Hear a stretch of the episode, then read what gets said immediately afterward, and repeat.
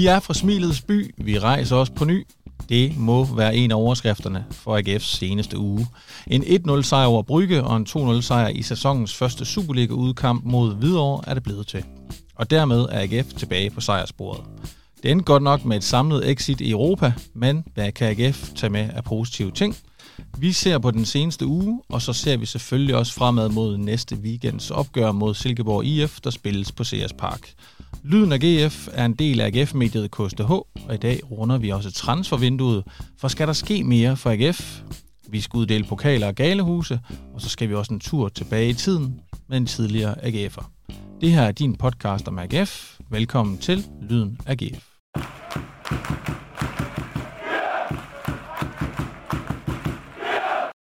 Alexander Hjorts, velkommen til. Tak skal du have, Rasmus. Mit navn er Rasmus Thomsen, og i dag der er det faktisk bare os to her i studiet i Aarhus, Alexander. Ja, vi skal rigtig hygge os. Det skal vi. Det er jo blevet mandag aften. Det er den 7. august. Vi optager altså dagen efter Hvidovre-kampen. Det var altså i går, at AGF vandt med 2-0 i Hvidovre. Patrick Mortensen og Magnus Knudsen stod for målene.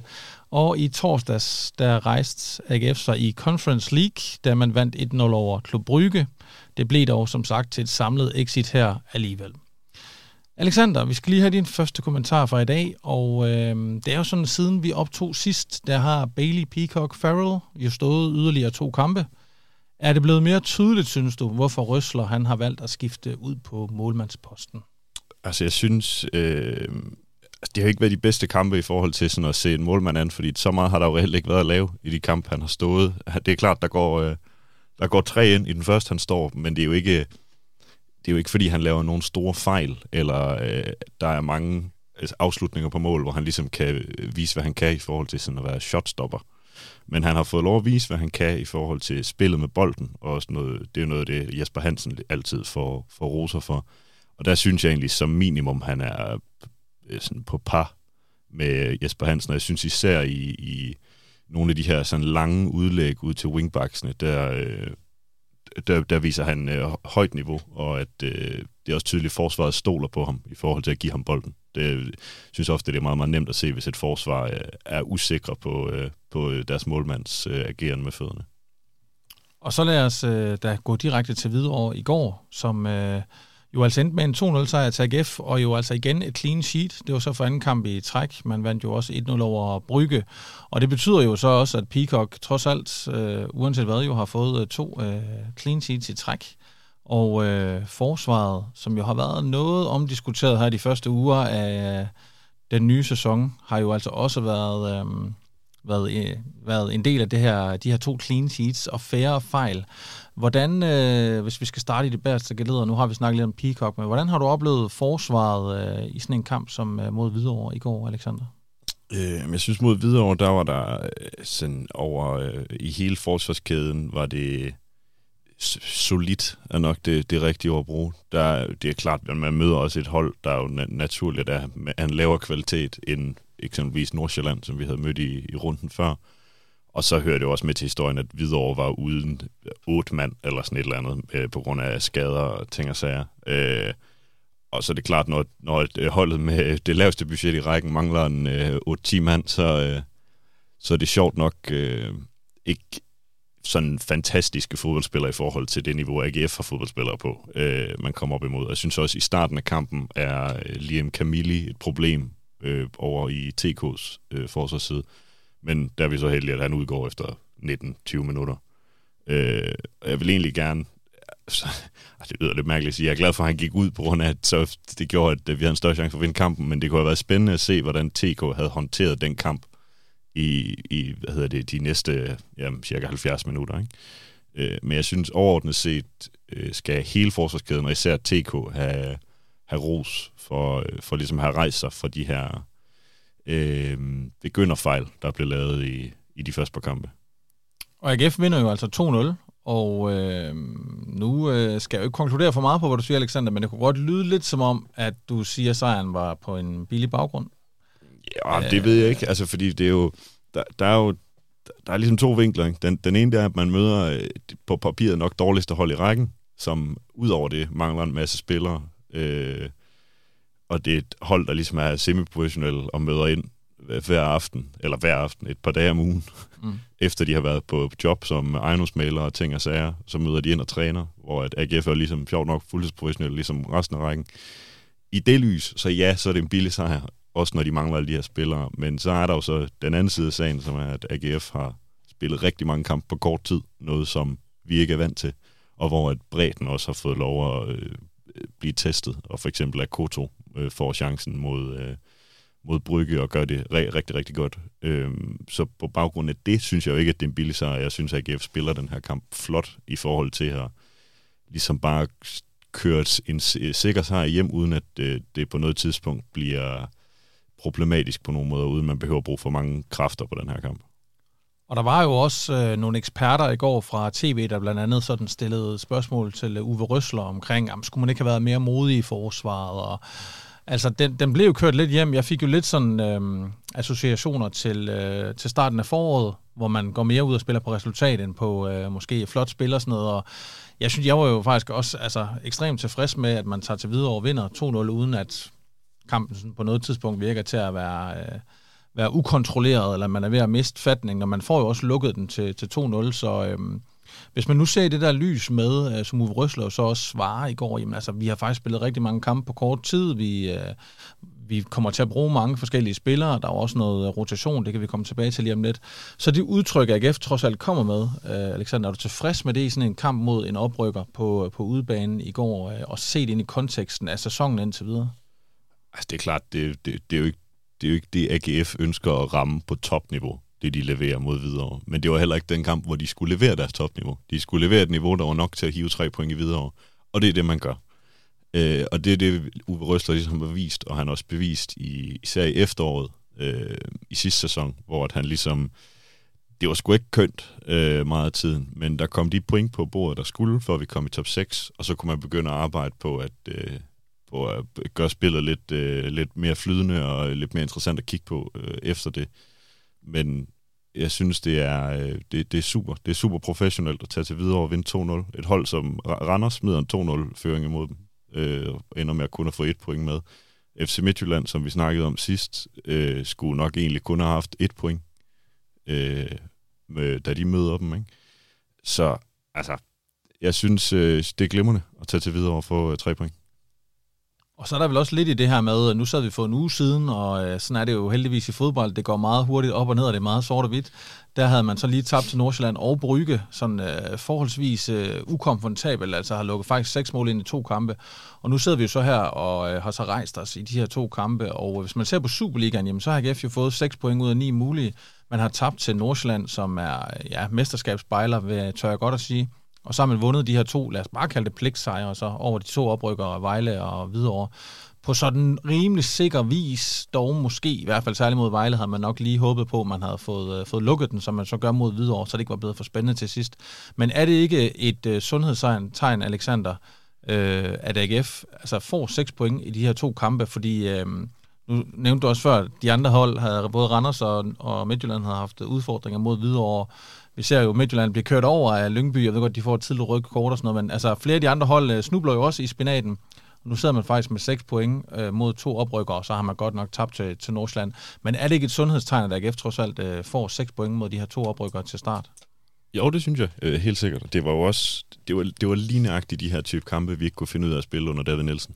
Det var altid, der det gik galt. Det var altid mod øh, Hobro og øh, des lignende, at øh, så lige pludselig ud af det blå, efter det var gået godt i en periode, og man havde fået nogle gode resultater mod nogle gode hold, så spillede man 0-0 i Hobro, fordi at man ikke kunne finde ud af at åbne et, øh, et, et, et mindre hold op, fordi at de ligesom bare spillede på at få øh, et enkelt point og var tilfreds med det. Det viser man nu, at selv i en meget, meget presset periode øh, i forhold til at have mange kampe på kort tid, at man kan løse den opgave, og at man også har en, en bredere trup nu. Ikke nødvendigvis, at øh, topniveauet på spillerne er meget bedre, end det var under David Nielsen, for der havde vi også nogle dygtige spillere i Jon Thorstensson og Bundu og den type spillere, men dem, der sidder ude på bænken, er bare markant bedre end, end dem, øh, David Nielsen havde til rådighed, for eksempel, og også dem Uwe Røsler havde til rådighed i sidste sæson. Og så lad os lige øh, gå ned sådan i øh, nogle konkrete spillere, fordi øh, vi har allerede været lidt omkring øh, midterforsvaret og målmanden, men øh, netop det her nu, du, du nævner om bredden, og øh, som Uwe Røsler jo har, øh, har kaldt dem er game changer, og det er jo, når han skifter nogen ind, men der er jo også det i, når der for eksempel er nogle spillere, der er skadet eller har karantæne, at, at bredden er god i AGF. Og lad os nu starte på wingbacksen, altså så øh, kan vi jo se, at øh, Felix Beimo starter ind igen. Det er ligesom ham, der sidder tungt på, øh, på højre wingback. Og igen bemærker jeg jo, at Beimo kommer med øh, noget øh, output. Altså her har vi øh, altså endelig, kan man sige, fået en øh, wingback, hvor der kommer både mål, senest mod Brygge, og assist øh, fra. Og så er det jo altså Erik Karl, der starter inden for, øh, for første gang i, i lang tid, eller han har i hvert fald ikke haft vane for at starte inden.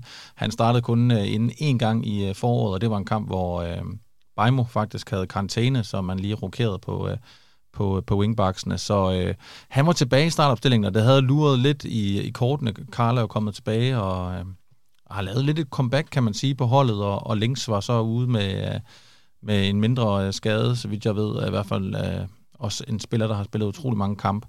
Øh, ikke så meget Bajmo, fordi han ved vi efterhånden, øh, han er i, øh, på topniveau, og han leverer med masser af output. Men øh, ja, Karl Alexander, hvordan har du oplevet ham her de seneste uger, og så måske kulminerende med kampen i går, hvor han er tilbage i startopstillingen og vil præstere noget af det bedste, vi har set fra ham i lang tid? Øhm, altså, han starter jo ind mod Brygge, fordi at, øh, hvad hedder det, Gif Links ikke er til rådighed. Øh, jeg var ude til øh, det Uwe Røsler selv beskrev som verdens mindste preskonference, hvor vi var øh, mig og så en journalist fra stiften. Øh, det var ligesom nemt nok øh, givet at møde op forud for, øh, for AGF's øh, kamp mod Brygge, selvfølgelig fordi AGF var bagud 3-0 øh, efter kampen nede i Brygge. Øhm, og der forklarede Uwe Røsler, at øh, Gif Links har haft et problem med lysken, så, i, som han faktisk har haft siden sidste sæson, øhm, og at man derfor i det her hårde program havde valgt at sige, at vi udtager ham slet ikke til bryggekampen, fordi at han havde brug for at få noget hvile. Så det er selvfølgelig heldigt for Erik Karl, at han kunne få chancen der. og Jeg synes, han gør det rigtig, rigtig flot imod Brygge, og er måske hans bedste kamp i en AGF, tror jeg. Øh, I hvert fald på mange parametre. Øh, jeg synes ikke, han leverer på helt samme niveau mod videre, men jeg synes heller ikke, det er katastrofalt og noget, der ligesom gør, at han bliver sat af. Men jeg kunne godt forestille mig, at det er Gif Links, der starter inden næste gang, hvis, øh, hvis den her lyske skade altså ikke driller længere. Øh, men øh, Uwe Røsler sagde, at Gif Links burde være klar til at spille mod øh, videre, og det gjorde han jo så ikke. Så det må også betyde, at øh, Uwe Røsler har været tilfreds med det, han har set fra Erik Karl, først i Bryggekampen, og så øh, noget af det, han så i øh, videre kampen. Men jeg synes stadigvæk, at øh, Karl skal levere mere end det, han gør imod videre for at tage den her plads fra Gif Links. Og det vil sige, at du har et indtryk af, at selvom Karl har præsteret øh, stærkere end, end længe, både er særdeleshed i, i torsdags, øh, nu fik jeg jo lige nævnt, at han ikke havde startet ind længere, det gjorde han selvfølgelig i, øh, i Conference League, øh, nu var det mere Superliga, end jeg var omkring, men og leverer selvfølgelig også en, en rigtig fin kamp mod Hvidovre, men du har stadigvæk et indtryk af, at Links er et godt stykke foran. Ja, det, det, altså det har... Det, Karl har jo også leveret flere fine indhop, kan man ja, sige, det har han i, i, i, her i, i, i, i den her sæson. Øhm, det har jeg, og altså, det er der jo flere årsager til. Det er, jo, det, er jo, det er jo to lidt forskellige spillere, i og med, at Erik Karl er jo en, en bak, der er blevet omskolet til wingback, og Gif Links er en kantspiller, der er blevet omskolet til wingback. Så det er jo, det er jo klart, at Gif Links bør jo have nogle, nogle øh, stærkere offensive kvaliteter end Erik Karl, og det synes jeg også, man kan se i hans evne til at øh, udfordre spillere en mod en. Til gengæld så synes jeg, at Erik Karls levering, øh, blandt andet på dødbolde, som vi jo også ser mod, øh, mod Klub Brygge, øh, er langt bedre end Gif Links øh, levering. Altså hvis man kunne placere øh, Kasper Højers venstreben på Gif Link, så havde man øh, virkelig, virkelig en dygtig øh, wingback, fordi jeg synes, det er, det er det, der mangler for, at, for at Gif Links ligesom kan tage det til det næste niveau, og måske også blive et øh, potentielt salgsemne for AGF. For lige nu mangler der ligesom det der, det, det afgørende på den sidste tredjedel, før, før at han sådan kan tage næste niveau. Men ja, jeg tror, jeg tror at Gifling stadig er foran, men det er på ingen måde ligesom det var i slutningen af sidste sæson, hvor at Erik Karl jo var altså milevidt fra at øh, være i nærheden af at kunne øh, øh starte ind. Nu er det øh, måske 60-40 til links. Og hvis vi så lige skal tage øh, lidt hul på transfervindues-snakken også, fordi transfervinduet er jo stadigvæk i gang, så fik jeg jo nævnt, at Bejmo han er blevet i hvert fald øh, den spiller på baksene, der har det klart bedste output i både øh, assist og mål, og han skyder jo stærkt frem i højre side. Hvis du så ser på venstre siden, uh, Links, som jo har siddet tungt på den her position, som du også siger, så Karl, der byder så lidt til. Der er jo to spillere til den position, og øh, man er jo besat på den plads. Men kunne du forestille dig, når man tænker på, hvad Bajmo leverer frem for, hvad vi får fra, fra venstre siden, kunne du så forestille, sig, forestille dig, at man er på markedet øh, omkring en venstre wingback? En højre wingback. Nej, øh, til, altså en, der kunne levere endnu mere, end Karl og Links gør. Nå, okay, på den, jeg tror du med en ja. erstatning til, til Bajmo. Nej. Øh, nej, jeg tror, jeg tror, at man... Øh, så er det fordi, der skal komme et bud på, øh, på Links eller et eller andet, som gør, at, at man lige pludselig øh, kunne se muligheden for at potentielt kunne gøre sig bedre på den position. Øh, hvis, hvis alting i sol, måne og stjerne lige står på linje. Og, men jeg tror ikke, det er, det er ikke en prioritet øh, på nogen måde lige nu. Jeg tror, jeg tror egentlig, de er, de er glade for, for den måde, Gif Links har spillet sig op på under, under Uwe Røsler, og den måde, øh, Erik Karl har taget øh, skeen i den anden hånd, og er øh, begyndt at over tid levere rigtig, rigtig fint for AGF. Så nej, jeg tror ikke, jeg, jeg tror, der er en større chance for, at man henter noget på den anden side, faktisk. For at, at give mere konkurrence til... Ja, til Bajmo. Altså, jeg tror ikke nødvendigvis, at, at man ikke synes, at Bajmo gør det godt nok, fordi jeg er sikker på, at man, man synes, at Bajmo gør det rigtig, rigtig fint. Øhm, men man ser jo også, når at øh, Bajmo skal have øh, en lille slapper og bliver taget ud, så sætter man ofte en midtstopper ind, for eksempel Akoto, og så sætter man Mølgaard op som wingback. Hvilket vil sige, at man har ikke en naturlig erstatning øh, på bænken. Så hvis man ønsker på samme tidspunkt at give Mølgaard og Bejmo en stopper, for det er jo to starter, øh, ikke en stopper, en, øh, en, en slapper, øh, det er jo to starter begge to, så det vil ikke, nærmest ikke kunne lade sig gøre, uden at blive svækket voldsomt, fordi man skal spille en spiller meget, meget ud af position. Så skal vi ud af noget Brandhoff eller noget af den stil. Ja, den, præcis, noget af den og det, ved, det har de jo også. Øh, eller links, som der bare må Ja, eller links, links som på den anden side, ja. men det er jo, øh, det, det vil det, klart ikke være foretræk, synes jeg ikke. Men lige netop det der scenarie med øh, uh, Akoto og øh, Mølgaard ude på uh, højre, uh, i stedet for Bajmo og sådan noget, det tager vi lige, uh, når vi nærmer os uh, transfersnakken, for ellers så nu får vi det blandet lidt for meget sammen. Det er, det er min fejl. Vi skal lige tilbage til viderekampen, til midtbanen, for det er jo igen uh, Andersson Dulund, der uh, starter inden. Tobias Bæk er på bænken igen. Uh, Magnus Knudsen er på bænken. Uh, man kommer jo ind som uh, den uh, game changer, han nogle gange er. Ham kommer vi til lige om lidt. Vi skal lige holde os til Andersson Duelund, som jo er lidt på papiret i hvert fald en drømmedue. Andersson uh, spiller jo også en kanon god kamp mod uh, Brygge her i torsdags. Den vender vi også tilbage til.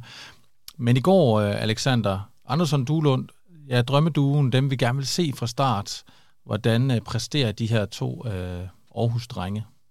Jeg synes generelt, Andersson har fået en god start på, på sæsonen. Uh og allerede da han, han var ikke klar til at starte ind i sæsonåbneren mod Vejle, men allerede da han kommer ind der, synes jeg, man kan se, at han bringer den her, når Andersen er bedst, så kommer han med den her sådan fandenivoldskhed og energi, og noget, jeg synes, vi ofte har manglet øh, i, i mange kampe. Øh, og det, det, det synes jeg, han er god til at bringe. Altså, han, han, han, han lykkes ikke med sådan voldsomt meget mod videre. Øh, men trods alt mere end Duelund gør, synes jeg. Jeg synes, det er et stykke tid siden, man har øh, set en AGF-kamp, og virkelig set Duelund gøre det, han er bedst til. At blive sat i de positioner, hvor han er bedst, og virkelig have stor succes. Øhm, og om det er Duelunds egen skyld, eller om det er fordi, at han simpelthen ikke bliver spillet god nok, det skal jeg lade øh, nogle andre closer på. Men jeg, jeg synes ikke, Duelund PT spiller sig på holdet. I hvert fald ikke, når man så ser dem, der kommer ind, hvad, hvordan de leverer i forhold til det, Duelund leverede mod videre. Og igen i går tænker jeg i hvert fald godt, at vi kan kalde dem game, game changer, fordi Tobias Bæk kommer ind med en god energi, og ja, Knudsen kommer ind og lukker og slukker øh, ballet. Er man for ivrig? Har du et indtryk af, at man er for ivrig, for eksempel med Duelund? Altså, vi vil så gerne bruge ham, og vi vil så gerne have, at han er god. Altså, er det for tidligt? Han har jo stort set i hele sin AGF-tid her, efter han er kommet tilbage, jo døjet med det ene eller det andet, og har jo øh, nu har jeg ikke lige øh, tallet på det, men jo sjældent spillet 90 minutter. Skulle man øh, lade Duelund få tid, og så for eksempel bringe Knudsen eller, eller Bæk fra start? jeg, tr- jeg tror også, man er meget, meget opmærksom på netop, hvor god, altså, hvor god en mand som Tobias Bæk er fra bænken. Fordi han kommer ind med den her enorme power og fart, og han bliver også kåret på af KSDH's læser, bliver han kåret som kampens spiller, på trods af, at han jo ikke, ikke spiller en særlig stor del af kampen. Mm. Øh, det siger jo også noget om, om hvilket, øh, hvilken impact han har fra bænken. Ikke? Og ja. Magnus Knudsen, det, det giver sig selv, og som formand for fanklubben vil jeg jo bare sige, at øh, vi er meget tilfredse. Tillykke. Jeg tænker, du øh, lægger en bunke hvad hedder det, indmeldingsblanketter her, inden du går. Jamen, jeg, altså, jeg, jeg, jeg, jeg er ved at drukne i, i, i, øh, i folk, der, der bare skal være med nu, øh, fordi nu, nu tager det virkelig fart. Øh, men han, altså, han kommer selvfølgelig ind, scorer. Øh, så, ja, om, om man er for ivrig med Duelund, det ved jeg ikke. Men øh, fordi jeg kan godt se, hvad det er, Uwe Røsler ser i ham. Fordi han er, undskyld mit øh, franske, fandme en god fodboldspiller. Altså, og der er også en grund til, at han øh, blev solgt fra Midtjylland til udlandet for en masse penge, og tjente en masse penge i udlandet. Øhm, og hvis AGF kan finde en måde, hvor man kan få det bedste frem i Duelund, så er han jo også klart en starter. For mig er problemet bare, at når man spiller med både Mortensen og Duelund som to af de tre forreste, så har man ikke særlig meget fart. Og det er klart, at Andersen har noget fart, øh, Bæk kommer ind med noget fart, Knudsen kommer også med mere fart end Duelund. Øhm, og det bliver nogle gange lidt for sådan stillestående med Duelund, fordi at han har ikke den der evne, som Andersen har til ligesom at rykke forbi to mand på egen hånd. Han skal have, altså, han skal have nogle legekammerater. Og så den sidste spiller, vi lige skal runde, det er selvfølgelig Patrick Mortensen. En øh, omdiskuteret øh, spiller, jo fordi at øh, vi forventer mål. Han har været AGF's topscorer de seneste mange år, og vi ved jo, at han er garant for mål, øh, men øh, havde jo altså ikke scoret endnu før i går. Og det gør han så på, jeg har lyst til at sige klassisk Patrick Mortensen vis. Han har noget af en næse, og han står derinde. Øh, et flot gennemspillet angreb, blandt andet af Bejmor og Mads Emil. Og så står han derinde, øh, kaptajn øh, Alexander. Hvor vigtigt er det, at Mortensen fik hul på bylden i går? Ja, det er voldsomt vigtigt. Og altså, vi, havde, vi, vi var også hårde ved ham herinde sidste gang. Øh, jeg snakkede om, hvor, hvor, hvor langsom jeg synes, han var blevet, og du snakkede om, at øh, når Hansens plads ikke er heldig, hvor, hvordan kan det så være, at Mortensen skal starte ind hver gang? Og det gjorde han jo så heller ikke mod Brygge, Nej, så at øh, Seer fik, øh, fik lov at starte, og jeg synes også, gjorde en fin figur. Det er klart, at han får ikke scoret, men øh, trods alt også øh, en anden modstander, end øh, Mortensen står overfor i weekenden. Ikke? Jo. Øhm, så, men nej, selvfølgelig er det ekstremt vigtigt. Øhm, det er det altid for en angriber at score, men netop her, når et, jeg tror mange af os fans kiggede på ham og lidt tænkt om, altså, er, er niveauet der egentlig stadig? Og så ved jeg godt, jeg kunne også godt have sparket den der ind, men han står der. Og et mål er et mål, især for Patrick Mortensen, øh, som ikke lige har fået, fået puttet den ind her i, start, i starten af sæsonen. Så jo, det er ekstremt vigtigt for, for alle omkring holdet. Et mål i åbent spil jo. Altså, også det. Og, ja. Rigtig vigtigt. Men øh, jo, og ja, jeg ved ikke om, altså selvfølgelig er vi hårde ved Patrick Mortensen, jeg har måske også nogle gange haft det lidt sådan, at øh, der har været sådan en generel stemning omkring, at man ikke måtte være hård ved Patrick Mortensen, fordi at han jo er anfører, han er... Øh, han er fandme også en flink fyr, når man han snakker er, med Han er en skide flink fyr, han er topprofessionel, og han har jo været øh, en kæmpe figur i den her genrejsning, tør jeg godt sige, øh, af AGF. Øh, ja, stort set siden han kom til klubben, har han jo været, øh, været en, en kæmpe profil i, i den her klub, som jo nu gør, at vi hvert år kan sidde nu og, og satse på, at vi skal i top 6, eller forvente, at vi skal i top 6. Men han har jo også nogle mangler, uden tvivl, og nogle af dem er jo, at han jo til tider ikke er nok med i kampene, synes jeg taget betragtning af, at han er spidsangriberen. Og så kan det godt være, at han bidrager dejligt nede i øh, eget felt med en masse gode ting, men jeg har også en forventning om, at den eneste angriber på holdet skal ligge fremme og være en trussel deroppe. Ikke? Øh, men derfor er jeg stadig enormt glad for, at han også øh, får lavet øh, et mål i går og er tilbage. Jeg synes egentlig også stadigvæk, at han spiller berettiget. Det er ikke sådan, at han ikke må starte inden, men min, min anke var jo lidt det her med, altså hvis man lige pludselig tager Hansen ud på grund af, at han skal, han skal føle, der er konkurrencen om pladsen, jamen hvorfor tager man så aldrig Mortensen ud? Og det gjorde man jo så mod, mod Brygge. Øh, den aller sidste ting, jeg også lige vil sige, er jo, øh, på et tidspunkt i går, da Magnus Knudsen har gjort det til 2-0, AGF er komfortabelt foran, der spiller man faktisk med Mortensen, Bæk og Sera på samme tid. Øh, hvor jeg tænkte, det var mere offensivt øh, set end længe. Øh, hvad var lige dine tanker om det, Alexander? Bare lige sådan uh, slut lidt uh, i snak om videre. Øh, jamen, det er, jo, det er jo ikke... Altså, i forhold til det her med at gå over til at spille med... Starte med en angriber, og så gå over at spille med to, det er jo også noget, Uwe Røsler gjorde meget i seneste sæson, hvor at Sigurd Haugen kom jo nærmest altid ind øh, mod slutningen af kampene, og så startede, eller så slutter man faktisk kampene med en angriber mere, end man sluttede med. Nej, man, man slutter kampen med en angriber mm. mere, end man startede kampen med. Ja. Øh, og det er jo... Øh, det er jo både for at sende, sende et signal til øh, resten af holdkammeraterne om, at øh, nu skal vi altså ikke bare stille os ned og forsvare, dreng. Så nu her, så får en angriber mere, så kan I i hvert fald ikke stille jer ned og forsvare. Øh, men det er jo også for at kunne øh, sætte et ordentligt pres fra fronten, ikke, og få nogle friske kræfter. Men i det, det her med, at, at vi fik lov at se både Sera, Bæk og Mortensen sammen, det er jo, som du selv siger, voldsomt offensivt. Ja. Og øh, friskt, synes jeg også. Ved 2-0. Ja, ja, ja lige præcis. Øh, og måske øh, også, jeg tror, det er, jeg tror også, det er noget, Uwe Røsler gør for at give ham svar på nogle spørgsmål omkring øh, noget af det relationelle, hvor jeg tror gerne, han vil se så mange forskellige konstellationer sammen som muligt, når det kan lade sig gøre, uden, øh, fordi på det tidspunkt ved han jo godt, og kan godt se, at den her kamp, den, den er på vej i en retning, det er, at den ender 2-0 til AGF.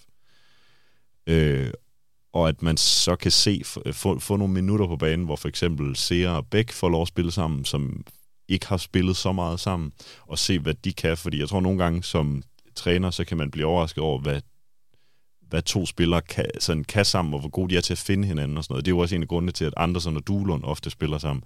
Det er fordi, de kender hinanden fra Midtjylland, og derved har en rimelig god idé om, okay, når jeg løber til baglinjen her, så er der en god chance for, at Andersen han stiller sig her og så ved man, hvor man skal spille den hen, ikke? nærmest i blinde. Så jo, jeg var meget, meget glad for, at vi øh, fik noget så voldsomt offensivt at se i en ikke særlig offensiv kamp. Og med det, så går vi lige lidt videre.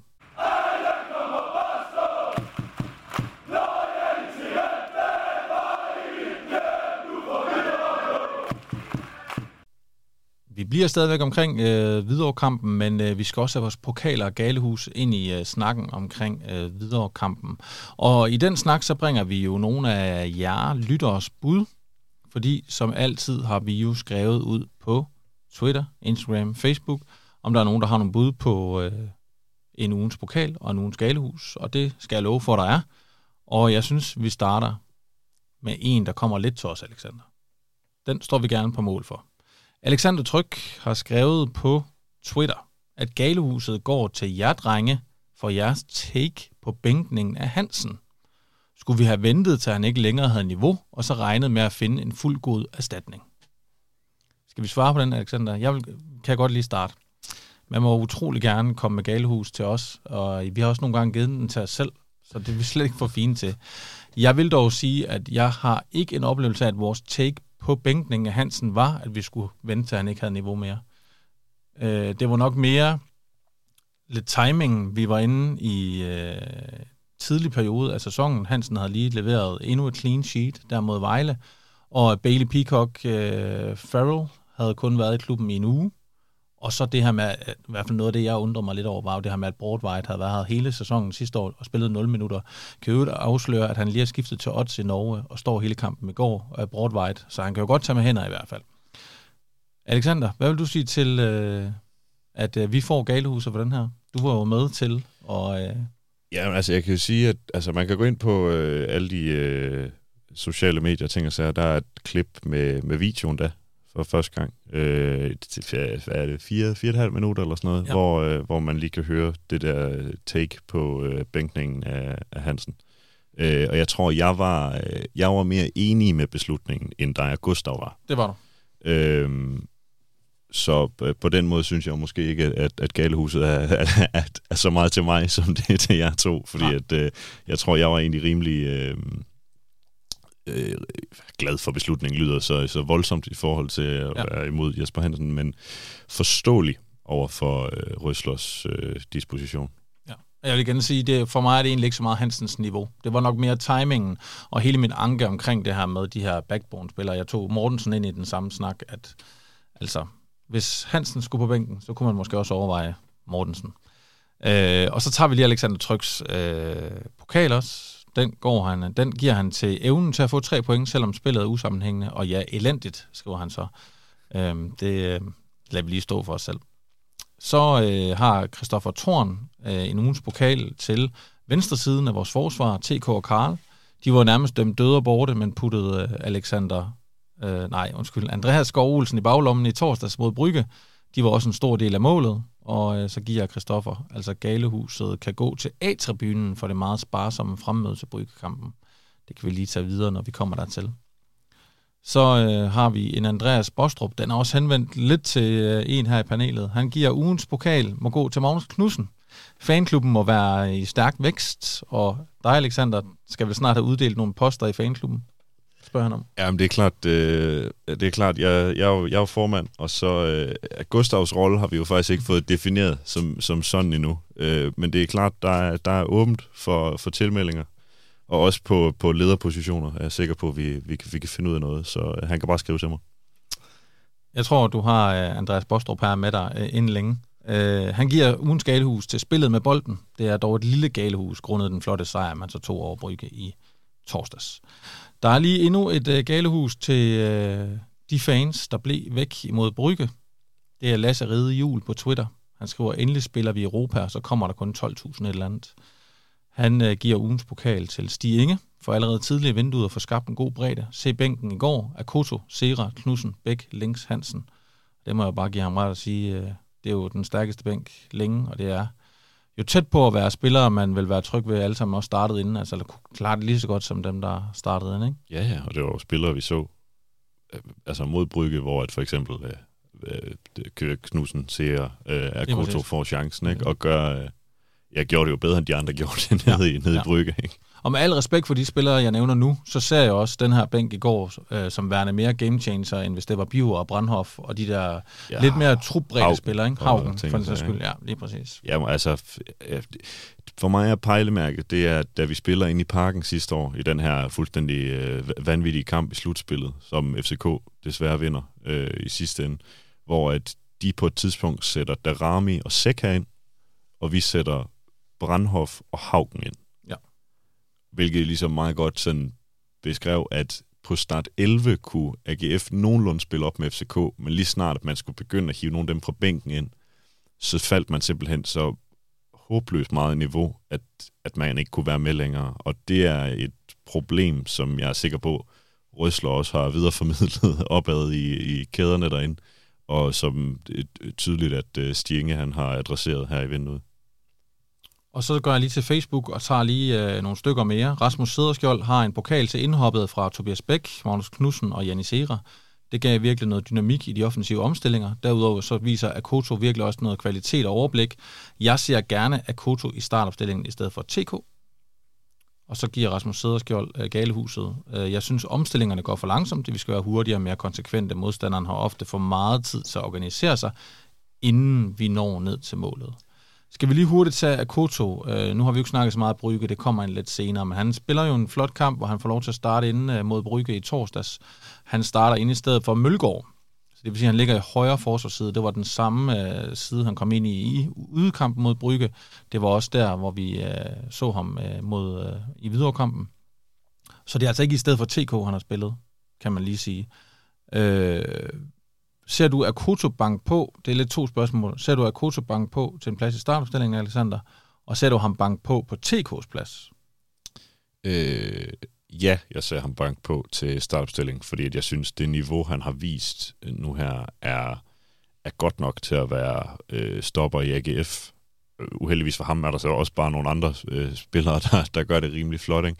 Men øh, jo, jeg ser ham også, hvis han skal slå nogen af, så er det ikke Mølgaard, så er det TK men det er klart, øh, alle de tre spillere vil jo faktisk helst spille i højre side.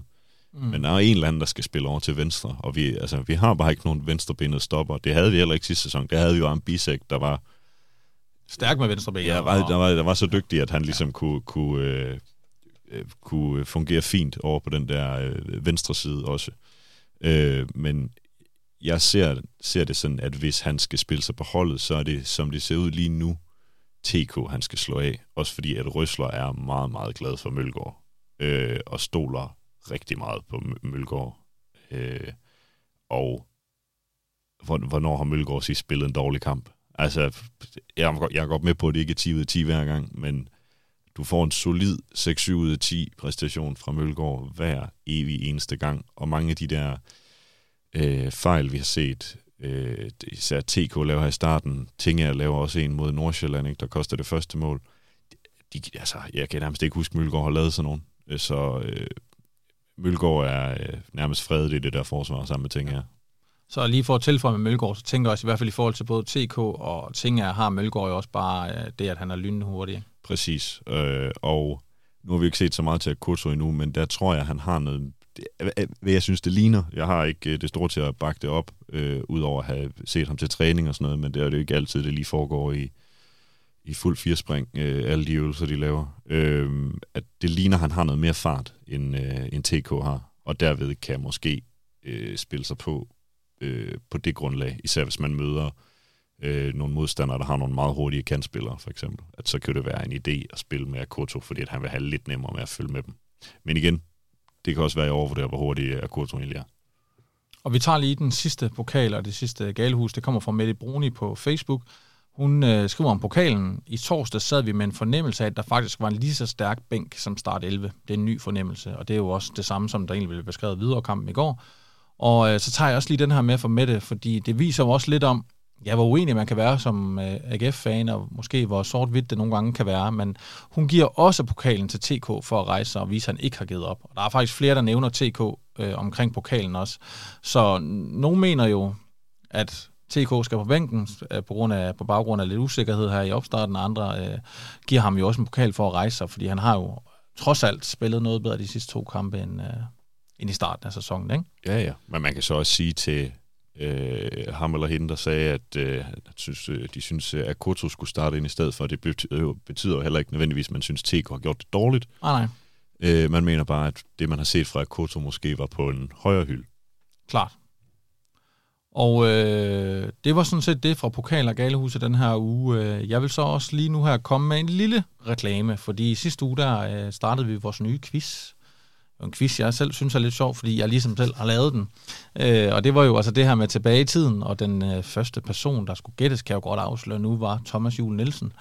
Og øh, noget af det, der var lidt øh, måske mere interessant ved Thomas Juhl Nielsen, end måske nogle af de andre, man kan møde den her quiz, er jo, at han stadigvæk er aktiv. Han er 33 år og aktiv, og øh, har jo ikke spillet i en klub i lang tid. Jeg synes, man skal gå ind og høre den her, det her afsnit, der ligger ude i øh, jeres podcast feed, hvor man kan høre snakken med Thomas Juhl, hvor han beskriver øh, en del op- og nedture, måske i virkeligheden flest nedture siden tiden i AGF, hvor han jo blandt andet har spillet israelsk fodbold, amerikansk fodbold og romansk fodbold. Drømmetrioen. Det må man sige. Øhm, det der også var, er jo, at han fortæller, at han har trænet med en Superliga-klub øh, i hele sidste uge, og enten dig eller Gustav får sagt, det stinker langt væk af Hvidovre. Det er Gustav, der siger det, mener jeg. Og i går, da jeg sidder og ser Hvidovre AGF i mit fjernsyn, så finder et kamera, og det er jo ikke Thomas Juhl, de finder, men det er jo så meget uh, ham, jeg ser på kameraet. Men øh, de finder Morten Vihorst, viser af landsholdsassistenten er på stadion. Og lige foran Morten Vihorst, der sidder sgu Thomas Juhl Nielsen og ser den kamp.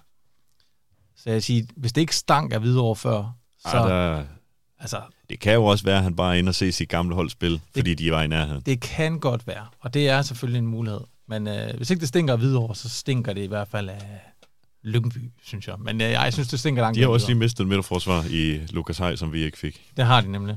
Så øh, jeg synes, vi skulle ind og høre den med Thomas Juhl, og øh, ja, så stinker det sgu af videre. Det gør det. Vi går videre igen.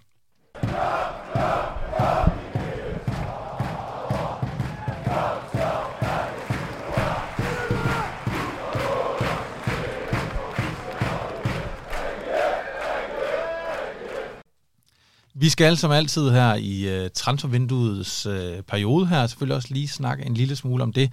Der er ikke sket meget uh, siden sidst, så derfor så gør vi det kort, uh, hvis vi kan. Der er ret stille. Sidste gang, så noget af det, vi kunne snakke om, var at Sigurd Haugen var nævnt som mulig salg, lejeaftale måske, med uh, videre salgs, uh, eller købsoption til uh, Lillestrøm i Norge. Der er ikke nyt, uh, har jeg i hvert fald ikke kunne finde noget. Haugen er stadigvæk AGF-spiller, og ikke Lillestrøm-spiller. Men lad os se, hvad der sker.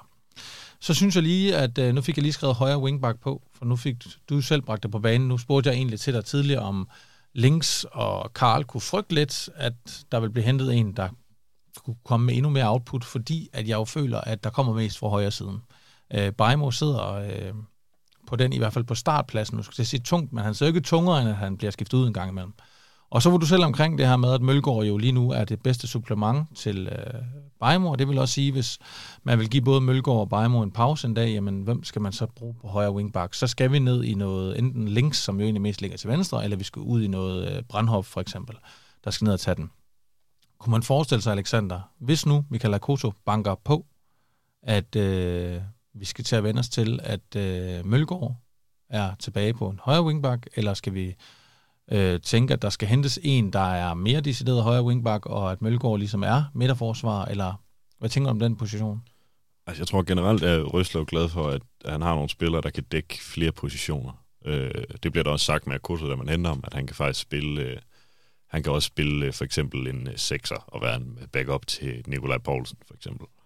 Øh, men jeg tror, at øh, jeg tror ikke, der er nogen chance for, at Beimer, han bliver bænket.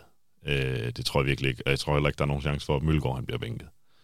Øh, så jeg tror, den største sandsynlighed, det er, at man henter en...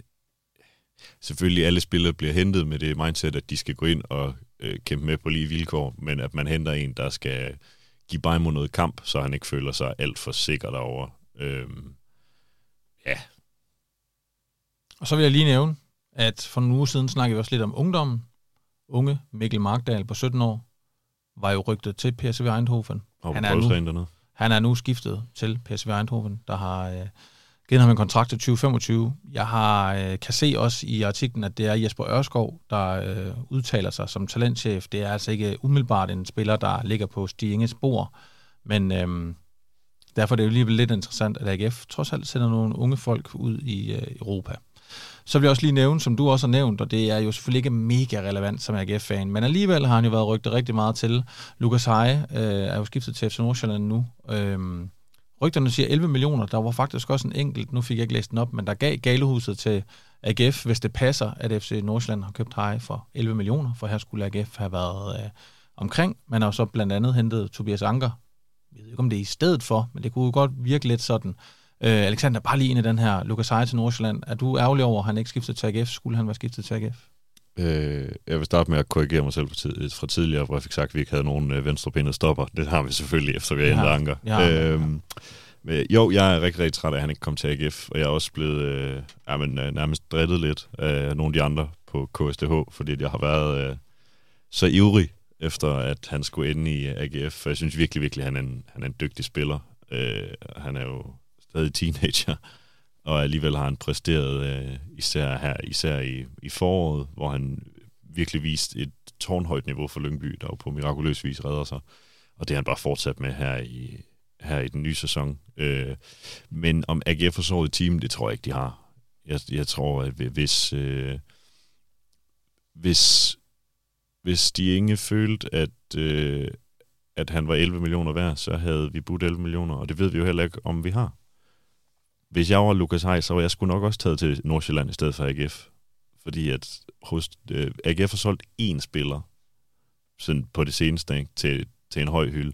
Nordsjælland, de sælger jo nogen hver år. Mm. Så hvorfor skulle han tage til Aarhus? Han kan da blive boende, øh, der hvor han bor nu, i hovedstadsområdet. Øh, så jeg, jeg kan faktisk ikke se, hvordan AGF på nogen måde skulle kunne konkurrere med Nordsjælland, udover de der basale ting, som at jo, det er en større klub, sådan øh, historisk set.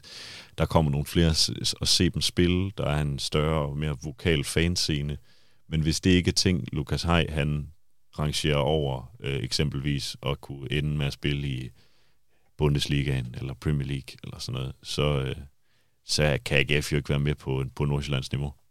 Og så er der vel også lidt i, at man jo i AGF må have vurderet, at man har sin egen øh, guldfugl i Thomas Christensen, Derudover har man jo også brugt lidt penge på Anker, der også øh, forhåbentlig har en stor fremtid foran sig. Så det her med, hvis man nu havde brugt 11 millioner, som er rigtig mange penge i AGF-standarder, på Lukas Heje, så skulle han vel også ind og spille fra start af? Ja, det er klart, hvis AGF bruger øh, plus øh, 10 millioner på en, øh, på en spiller, så, øh, så vil det godt nok være en voldsom fiasko, hvis han ikke kan gå ind og erobre en startplads, øh, ligesom det har været med Haugen for eksempel. Øh, han, nu kan jeg ikke huske, hvad Haugen koster, men vi er jo faktisk deroppe af. Ikke? Ja. Øhm, og det er klart, at i FC København kan man godt øh, give 10 millioner for en spiller, der skal sidde på bænken, men det, det kan man altså ikke i AGF endnu. Øh, og det ved jeg også, det, det Stienge, Stienge vil helst ikke give de der høje beløb. Det sagde han også på mediedagen for et stykke tid siden, at det er ikke strategien i AGF at gå ud og lægge de her høje beløb for spillere, øh, ligesom de gør i øh, FCK, Midtjylland, Brøndby, øh, ja, Nordsjælland nu også. Øh, I AGF har man en anden strategi, som man opererer efter, og som har fungeret fint øh, i AGF. Øh, og det vil jeg også gerne rose dem for, at man vælger en strategi, og så følger man den.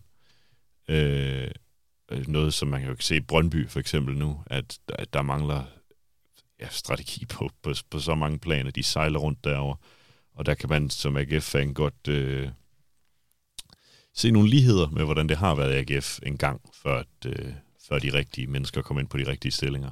Øh, og så stor ros til Stienge og alle omkring for, for at have øh, lagt en retning, og så rent faktisk følge den. Og så går vi sgu til øh, Klub Brygge-kampen.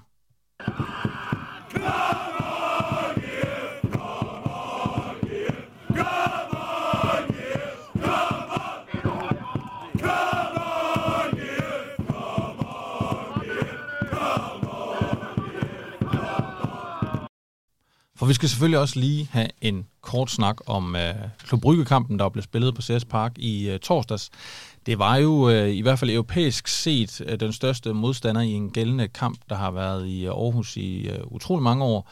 Øh, der var selvfølgelig det lidt, det lidt ærgerlige ved det, at AGF jo havde tabt 3-0 i Belgien, og derfor var det jo noget, at bjerg, der skulle bestiges. Jeg må erkende, da jeg kom ud der øh, på stadion i torsdags, øh, der havde jeg, fik jeg lige pludselig en eller anden vibe. Jeg havde siddet herinde i podcasten nogle dage forinden og sagt, at jeg tror, det bliver svært. Jeg tror også, at AGF taber.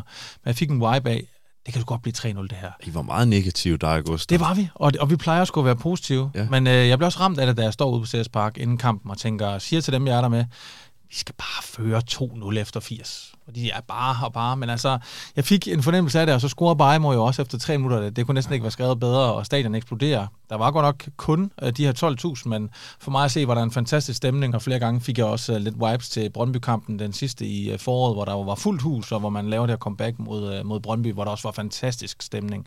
Lad os lige starte med det med tilskuerne nu, hvor der flere, der nævnte det mod, i Galehuset også, Alexander.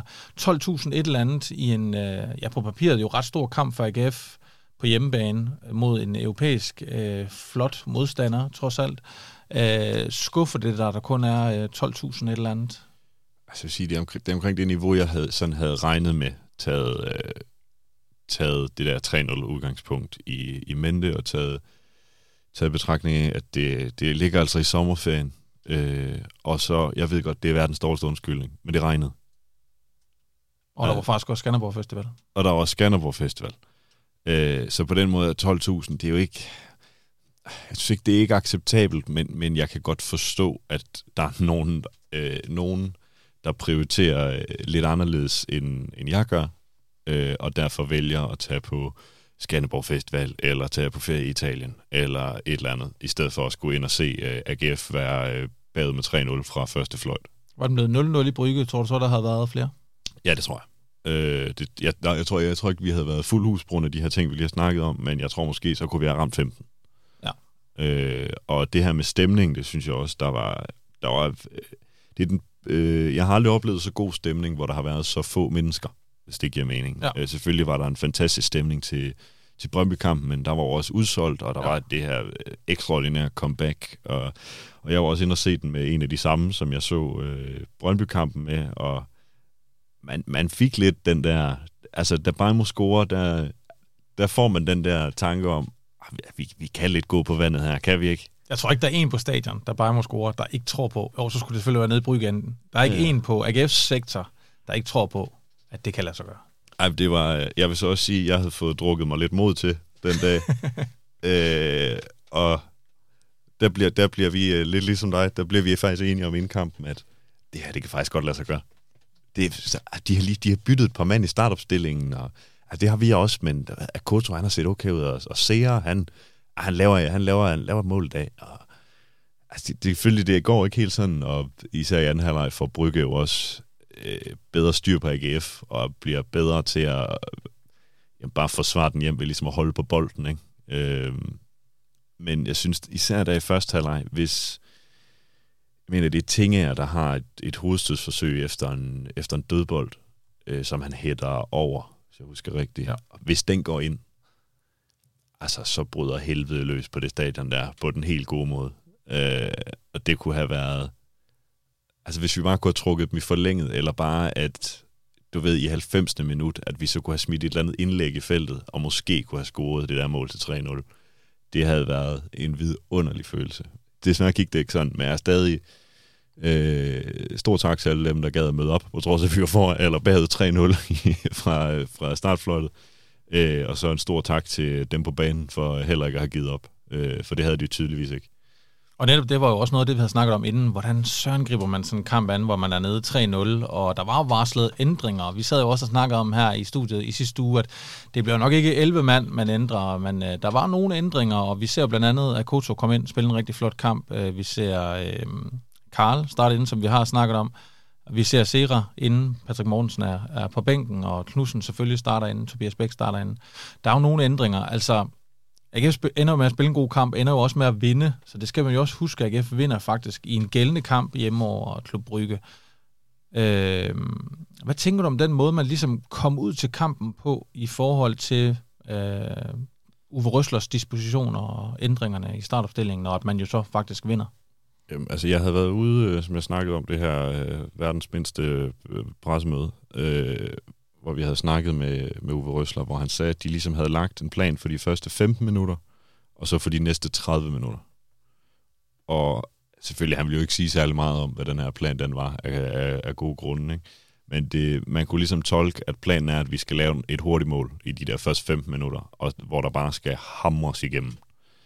Så øh, jeg vidste jo godt, at de ville komme ud som øh, lyn og torden og forsøge ligesom at overraske Brygge, øh, på trods af, at det er et professionelt fodboldhold, der er godt forberedt. Øh, og det må man jo sige, de gjorde. Øh, så de første 15 minutter, den del af planen må være gået fuldstændig som den skulle. Ja. Så de næste 30, igen, jeg ved jo ikke, hvad planen var. Nej. Jeg ved bare, at der var en plan for de næste 30, det vil sige 15 til 45. Øh, om den, og det, det tror jeg måske også går okay i forhold til det, øh, Røsler vil have.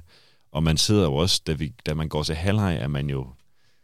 Jeg sidder i hvert fald med den der følelse af, det er jo lidt ærgerligt, at vi ikke får lavet et, et 2-0-mål i, i første halvleg, men man sidder stadig med følelsen af, at vi skulle med i den her kamp, på trods af, at vi ligesom på papiret bagud 3-1, ikke? Mm. så føltes det som om, at at vi, vi kan faktisk være med her, og jeg tror faktisk, det var det, der var sådan der var det fedeste ved, ved det her opgør, det var, at man ligesom bevist, at vi ikke sat helt ud af skide på det her niveau. Vi kan rent faktisk spille med. Og det var så nogle dyre lærepenge nede i Brygge, øh, der gjorde, at øh, vi ikke gik videre i den her omgang. Men det var da tydeligt at se til returopgøret, at de rent faktisk havde lært noget af den kamp. Øh, også at spillerne måske lige vidste lige nøjagtigt, hvad det var, de gik ind til. Og jeg ved godt, så møder man måske ikke Brygge næste gang, man, øh, man skal ud og spille europæisk, men så møder man et eller andet hold, der er på samme niveau, og så går man ikke ind til det og får det her chok, som de tydeligvis fik ned i Brygge. Øh, Øh, så jeg tror, at på trods af, at vi rører ud, så var det egentlig en øh, god oplevelse for øh, både for os fans, øh, at vi får lov at vinde kamp over Brygge, men også den, øh, at de kan have den her oplevelse med i bagagen til, når vi forhåbentlig skal spille europæisk øh, næste sæson. Og netop, ja, lige præcis det, du siger, de her lærepenge. Øhm, jeg har jo nogle gange stillet det der spørgsmål med, om de her europæiske kampe i virkeligheden ikke er mest for os fans. Altså, AGF har set øh, dum ud mange gange i Europa nu. Øh, ser man også lidt dum ud i Brygge, selvom at det er en rigtig god modstander. Men at tabe 3-0 var jo ikke efter planen i hvert fald. Men nu rejser man sig jo altså og får den her 1-0 sejr. Lige pludselig ser 3-1 mod Brygge jo faktisk ikke så dårligt ud. Og det er det jo heller ikke, når man husker kampen i Aarhus, kan man sige, men nu bliver Røslev også spurgt ind i Hvidovre, så det her med, altså skulle I have været mere modige, og han må ud og sige det her, altså vi har spillet mange kampe, og det er jo altså to ekstra kampe, man har spillet her i starten i Europa. Ja, og man skal ud på en, på en meget længere øh, sådan away-tur, end man er vant til. Ja. Og det, det, altså, det lyder jo dumt, men det tager bare nogle, nogle kræfter at skulle rejse. Også selvom man bare skal sidde og glo i et fly, så tager det jo også mentalt, dræner det jo de her spillere mere, end de er vant til. Og på den måde kan man sige, øhm, Alexander, du har været lidt omkring det, ikke? men altså, hvad, hvad tror du, man kan bruge den her, de her kampe til, øh, ja for eksempel næste år allerede forhåbentlig? Som jeg snakker om sidste gang, så er der jo nogle af de praktiske ting. Altså det der med, hvordan rejser man, hvordan gør vi det bedst muligt med, og øh, øh, altså, hvordan, hvornår skal vi snakke med pressen til udkampen, og alle de her sådan små ting, som, øh, som jeg sagde sidste gang, sidder på ryggraden af et hold som FC København, fordi de gør det hver eneste år. Men det gør det bare ikke for AGF, fordi at det, øh, altså, i øh, nyere tid er det bare ikke øh, noget, AGF har excelleret i. Og øh, for det første komme ud i Europa, og så for det andet at levere noget, når man så endelig er kommet ud i Europa. Og så er der så det på banen øh, for spillerne, at man ligesom, ja, som jeg sagde, det er jo tydeligt, at de, de får et eller andet chok ned i Brygge. Selvfølgelig har de gjort deres, jeg ved, at, at AGF har en meget, meget øh, dygtig og seriøs øh, trænerstab, der selvfølgelig har gjort deres øh, hjemmearbejde og har informeret spillerne om, at Brygge spiller sådan og sådan, og din, den mand, du står for, han er den her type osv. Men derfor kan man jo godt få et chok på dagen alligevel, når man finder ud af, gud, er Andreas Skålsen så hurtigt på fødderne? Mm. Altså som, som Giflix og TK jo nok øh, blev lidt overrasket over. At ham Buchanan der, han løber da godt nok stærkt, var. Mm. Og det sagde, sagde Uwe Røslov også efterfølgende, at i, i ligaen kan Giflix øh, bruge sin fart rigtig meget, for der er ikke, der er ikke særlig mange, der løber fra ham. Men så kommer øh, vores ven Buchanan fra Canada, æder med med blæsen ud over den fløj der, og så får... Øh, så har Gif Links bare ikke det her våben, han ligesom normalt har.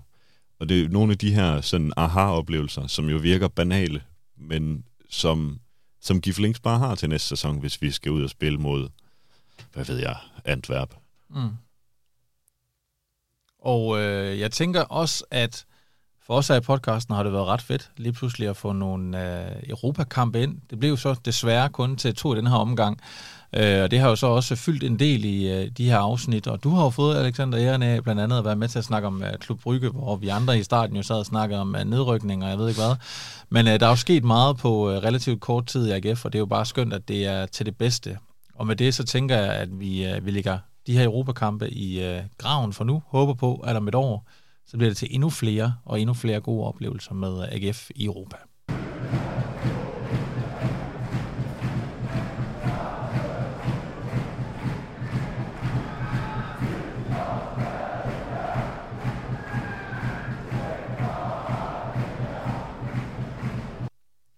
Nu er vi tilbage i øh, Superligaen, fordi på søndag den 13. august kl. 18.00, der er AGF tilbage på CS Park til den tredje Superliga hjemmekamp ud af fire mulige. Her kommer Silkeborg IF på besøg. Silkeborg på CS Park på søndag. Alexander, hvordan ser du frem mod øh, den kamp?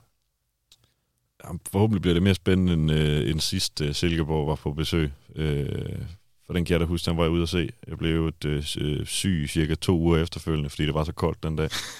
øh, det lyder som en rigtig klassisk tur på Ja, det var rigtig godt til Silkeborg, der scorede til allersidst, så jeg fik vinder, og så, øh, så sygdom to uger straight. øh, ej, det var en øh, forfærdelig fodboldkamp, hvor det var i den her periode, for Uwe Røsler virkelig havde altså parkeret den øh, helt tunge bus ned foran, og bare spillet 100% på resultater. Øh, jeg tror, det bliver mere underholdende, fordi Silkeborg det er jo et hold, hvor, hvor øh, mange hold, øh, hvad hedder det, uh, vurderer lidt fra kamp til kamp, hvordan man skal, øh, hvad hedder det, hvilken taktik man skal komme ud med, og hvordan man skal gøre tingene, hvor at Silkeborg, der kan man jo være fuldstændig sikker på, hvad man får fra Kent Nielsen og hans tropper.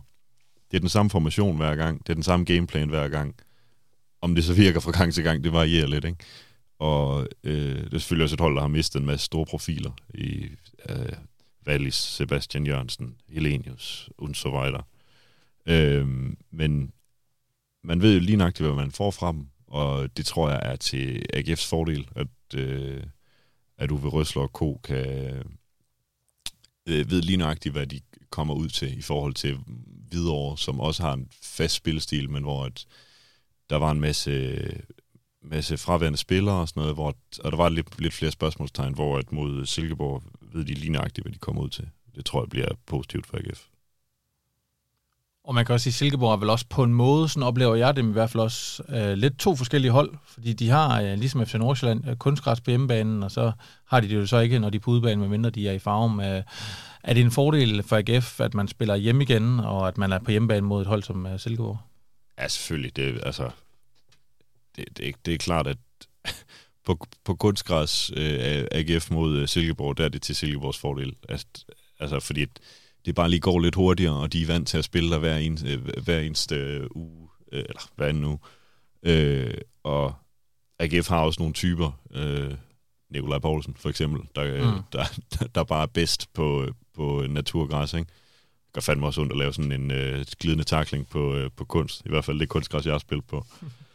øhm, så jo, selvfølgelig er det til AGF's fordel, at det er på naturgræs. Og så lad os lige tage Silkeborg. Det er jo et hold, som man kun øh, mødte to gange øh, sidste år, fordi at Silkeborg de missede øh, top 6. Man øh, tabte 1-0 i Silkeborg i efteråret. Det var Sebastian Jørgensen, der ikke er der mere, der scorede det mål.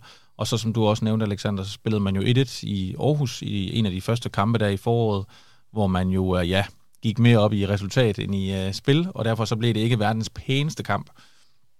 Det var en kamp, som Silkeborg de dominerede, men som AGF førte længe på et mål af Frederik Tinger, og så scorede Tony Adamsen jo altså uh, det udlignende mål i overtiden til uh, 1-1, og gjorde nogen syge derefter. Uh, så det Ej, kunne være... sige, det er Tony Adamsens skyld måske. Nå, det kunne være 1-0 sejren, så havde du haft lidt mere lune på.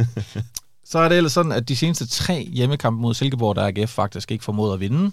Og derfor skal vi helt tilbage til den 8. april 2018 for at finde seneste hjemmesejr over Silkeborg.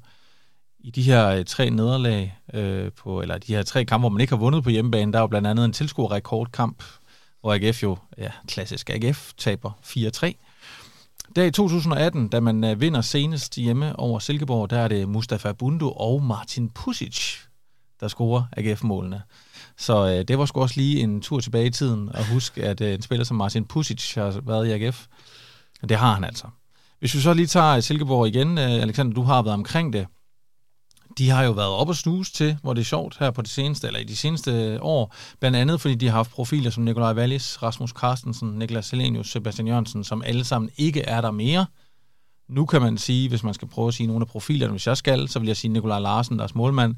De har Oliver Sonne på bakken, der også er rygtet til udlandet. De har god gamle Kasper Kusk. De har Adamsen her, der også scorede øh, i hjemmekampen der øh, sidst.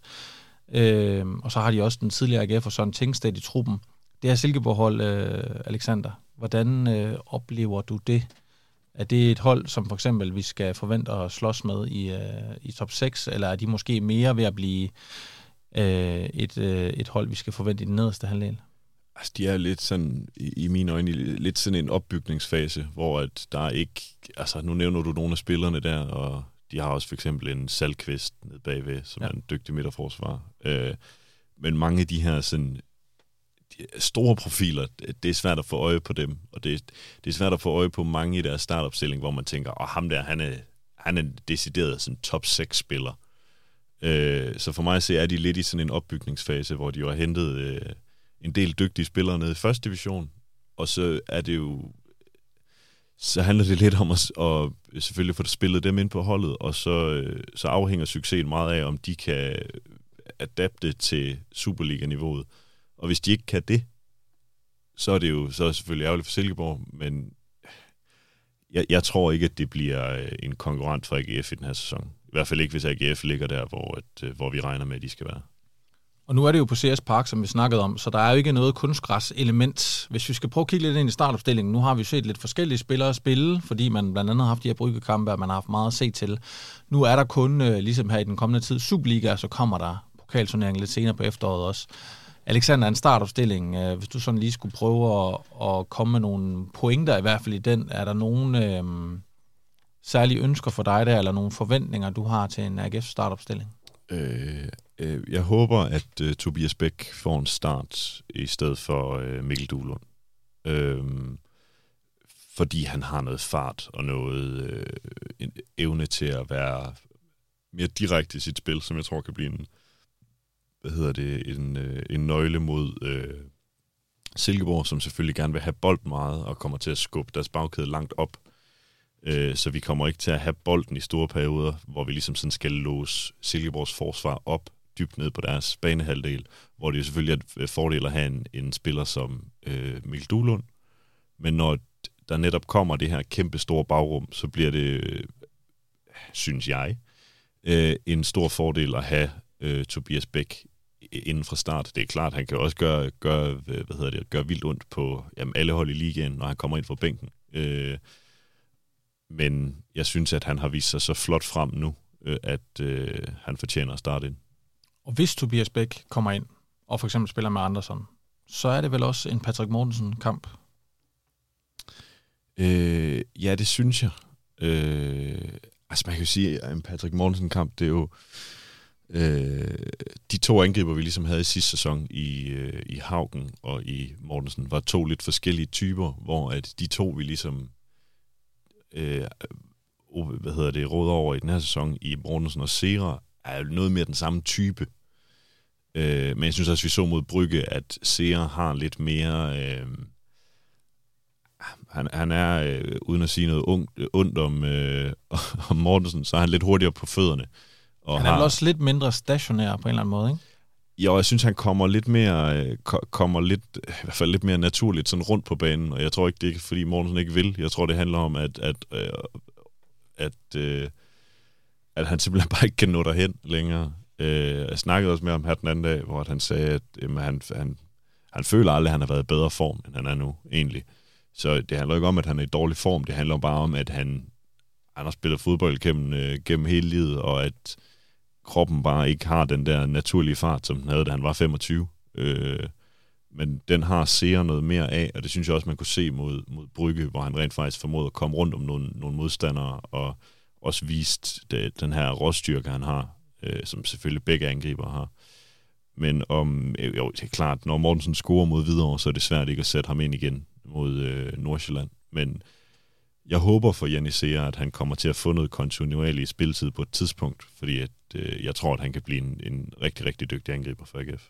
Og lige i dag, så øh, lover jeg lige mig selv, at i næste uge, så skal vi lige have en lille snak også om Adam Dakim. Han har slet ikke fyldt noget her, men jeg vil godt lige sige, at han jo også byder sig til, og måske særdeleshed mod Brygge kommer ind og viser noget, øh, der så rigtig fint ud, og som er helt anderledes end dem, vi kan få fra Sera og Morten, som blandt andet en øh, hurtighed, øh, som, som han har med sig.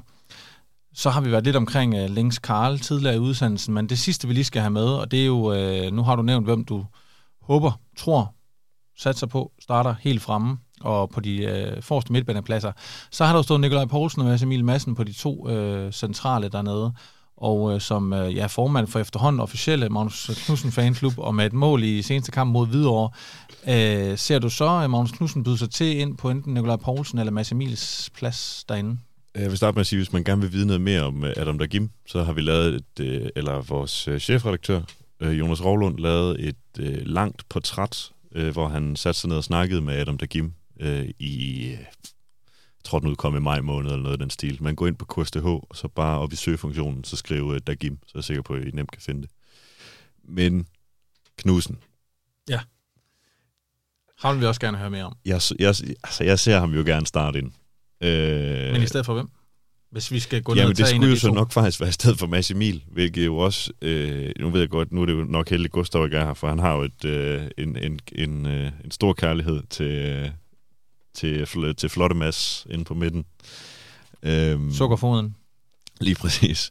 For jeg synes, han er, hvor at, jeg synes, Nikolaj Poulsen har løftet sit niveau i forhold til sidste sæson. Der synes jeg, at øh, Mads Emil Madsen øh, var bedre i foråret, end han er nu. Øh, og var mere afgørende i foråret. Han, er, han laver en god øh, hvad hedder det, 1-2-kombination med Baimo, som fører til øh, AGF's første mål her i weekenden. Men udover det, så er det jo ikke meget, man sådan ser til ham i den kamp, og jeg er godt med på, at det var generelt ikke en særlig køn fodboldkamp. Øh, men jeg synes ikke, vi har set nok, og jeg synes også nede i Brygge, der leverer, det er selvfølgelig klart, der er ikke mange, der leverer godt, men der synes jeg, at Mads Madsen er en af de dårlige spillere på banen. Øh, men alligevel så er det også svært at sætte ham af, fordi han har været så god for AGF, og han var en del af det her AGF-hold i foråret, hvor et, i en periode, hvor AGF jo nærmest var det bedste hold i ligaen. Øhm, så hvis jeg er helt ærlig, så tror jeg, at Mads Emil og øh, Nikolaj Poulsen starter igen. Men jeg håber, at Knudsen får minimum en halv time på banen. Og så til mit obligatoriske øh, sidste dobbeltspørgsmål. Skal AGF vinde og vinder AGF hjemmebane mod Silkeborg? Øh, ja, jeg synes, vi skal vinde. Øh, det havde været noget andet, hvis, vi, hvis det var den her lidt mere øh, tricky situation, hvor man skal til Silkeborg og spille på deres kunstgræs. Men nu spiller man altså øh, søndag aften kl. 18, hvis jeg husker rigtigt. Ja. Forhåbentlig kommer der øh, en masse mennesker. Og der synes jeg bare, at som det ser ud lige nu, der er AGF's trup langt stærkere end Silkeborgs. som en naturlig følge af, at øh, AGF bruger flere penge på deres fodboldhold, end Silkeborg gør. Og derfor skal, skal AGF jo også vinde den her kamp. Og om de så gør det, det tror jeg også, de gør. Silkeborg har ikke fået en særlig god start på den her sæson, og øh, er langt fra det der, det der topniveau, mange blev forelsket i, da de havde øh, den her øh, VHS-trio op foran med øh, øh, Sebastian Jørgensen, Wallis og Helenius. Øh, de er meget, meget langt fra det niveau lige nu, synes jeg. Øh, og jeg tror også godt, at AGF kan, kan lave en rigtig røslerpræstation, så øh, lukke af ned bagved, og så, øh, så laver øh, Mortensen en igen, og Knudsen laver en også. Så AGF vinder 2-0 igen? Nok det samme som sidste gang. Der kan jeg jo lige sige, at jeg jo faktisk sagde 2-0. Og gjorde du det? Så sagde jeg godt nok dobbelt bæk, men jeg synes, man vinder mest på ah, ja, men han kommer, ind, han kommer ind og gør en god præcision. Ja, det gør han. Så det er jo... Jeg synes også, jeg vinder mest på resultatet, ligesom du havde 1-0 mod øh, ja, Vejle. Ikke? det er rigtigt. Så nu har du taget 2-0, og jeg vil jo godt lige følge op på den, der siger, Silkeborg er jo startet lidt øh, mere shaky, vil jeg sige, end øh, for eksempel AGF er, selvom AGF også har tabt en kamp til FC Nordsjælland. Så startede Silkeborg jo altså med at tabe 2-1 på kunstgræsset til Brøndby IF, som jo er et andet lidt shaky hold. Og så tabte Silkeborg også sin anden kamp i sæsonen, det gjorde de 2-0 i Herning, og så rejste man sig øh, ved at vinde over Vejle, som AGF jo også har mødt. Det gjorde man 2-1 i øh, den her weekend, og det gjorde man også ved en meget sen scoring, hvor man øh, afgjorde det. Så Silkeborg har heller ikke fået en prængende start, nu der kun spillet tre kampe. Og øh, så tror jeg altså, og nu, det er nu, vi skal passe på her i podcasten, for jeg kan nemt lade mig rive med. Jeg føler mig også overbevist om, altså jeg synes virkelig, at AGF har spillet nogle gode kampe her på det sidste. Der ved godt, i går mod Hvidovre var jo sådan lidt lala, men alligevel øh, jo egentlig rimelig god præstation. Øh, og du har taget 2-0, og jeg har jo sådan lyst til at sige, at AGF igen ikke lukker mål ind, men jeg tror simpelthen ikke kun, at de scorer et mål mod Hvidovre. Jeg tror, der kommer flere. Mod... Så, nej, undskyld, jeg er mod, øh, mod Silkeborg. Så for mig er, er 2-0 også et, et, oply, et, et oplagt bud. Men øh, så, så siger jeg sgu 3-0. Det, og, og, og, det, det er dejligt. Og hver gang jeg gør det, så, øh, går det galt. Så, går, så går det galt. Så jeg har det rigtig dårligt med at sige 3-0 faktisk. Men øh, jeg tror fandme godt, de gør det. Hvem scorer så? Jamen, så siger jeg dobbeltbæk. Så er det dobbeltbæk. Så, og, så, og hvem så, så er der plads til en dobbeltbæk. Jamen, øh, så scorer Mortensen også. Så scorer Mortensen, ja tak. Ja. Dobbeltbæk og Mortensen. Øhm, så øhm, 3-0. Super. Det kan jeg næsten altså, jeg vil gerne, på. Øh, jeg, vil, jeg vil meget gerne have, at du får ret. Det, det håber jeg, skal jeg gøre.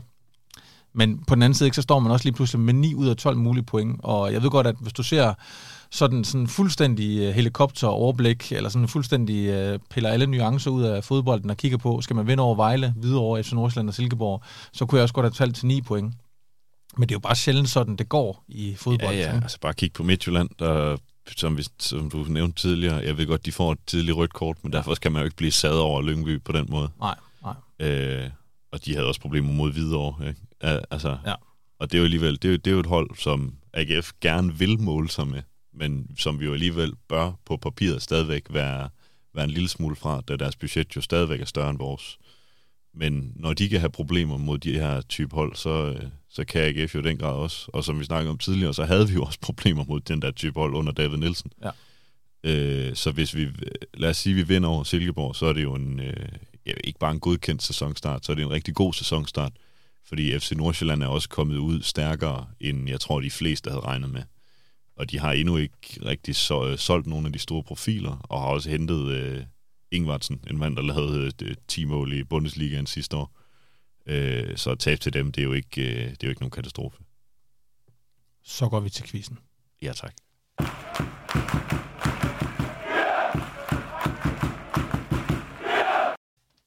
Nu skal vi quiz. Og øh, du er godt nok alene herinde i dag, Alexander. Det er jo ikke så sjovt at quiz mod mig, for jeg ligesom kender øh, svarene på forhånd. Men øh, vi gør det alligevel. Du får sgu øh, de her ledetråde, som vi jo kender fra sidste uge, da øh, vi startede det her tilbage i tiden, hvor hovedpersonen jo altså var Thomas Juhl Nielsen. Det har vi reklameret lidt for. I dag er det en anden hovedperson. Og så håber jeg jo, at når man sidder og lytter lidt med i bilen derhjemme i sofaen, eller hvor man nu er, så kan man gå og gætte lidt med derhjemme.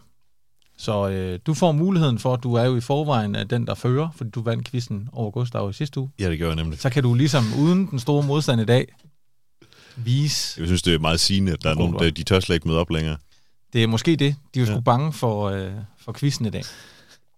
Det er sådan, det her lyden, øh, eller tilbage i tiden her øh, i lyden af GF, det er jo altså handler om, at øh, jeg har snakket med en spiller, der på et eller andet tidspunkt har spillet i AGF, og øh, nogen har spillet 10 kampe, det hedder Thomas Juhl, nogen har spillet endnu mere. Der kommer fem ledetråde. Gætter man den på ledetråd 1, så kører vi stadigvæk videre, men der får man altså 5 point. Gætter man den på ledetråd 2, 4 point. Ledetråd 3, 2 point, og, undskyld, 3 point, og så fremdeles. Vi starter med ledetråd 1. Og det skal ikke være nemt. Men den kan altså give dig 5 point. Og du gætter jo bare på en hvilken som helst spiller.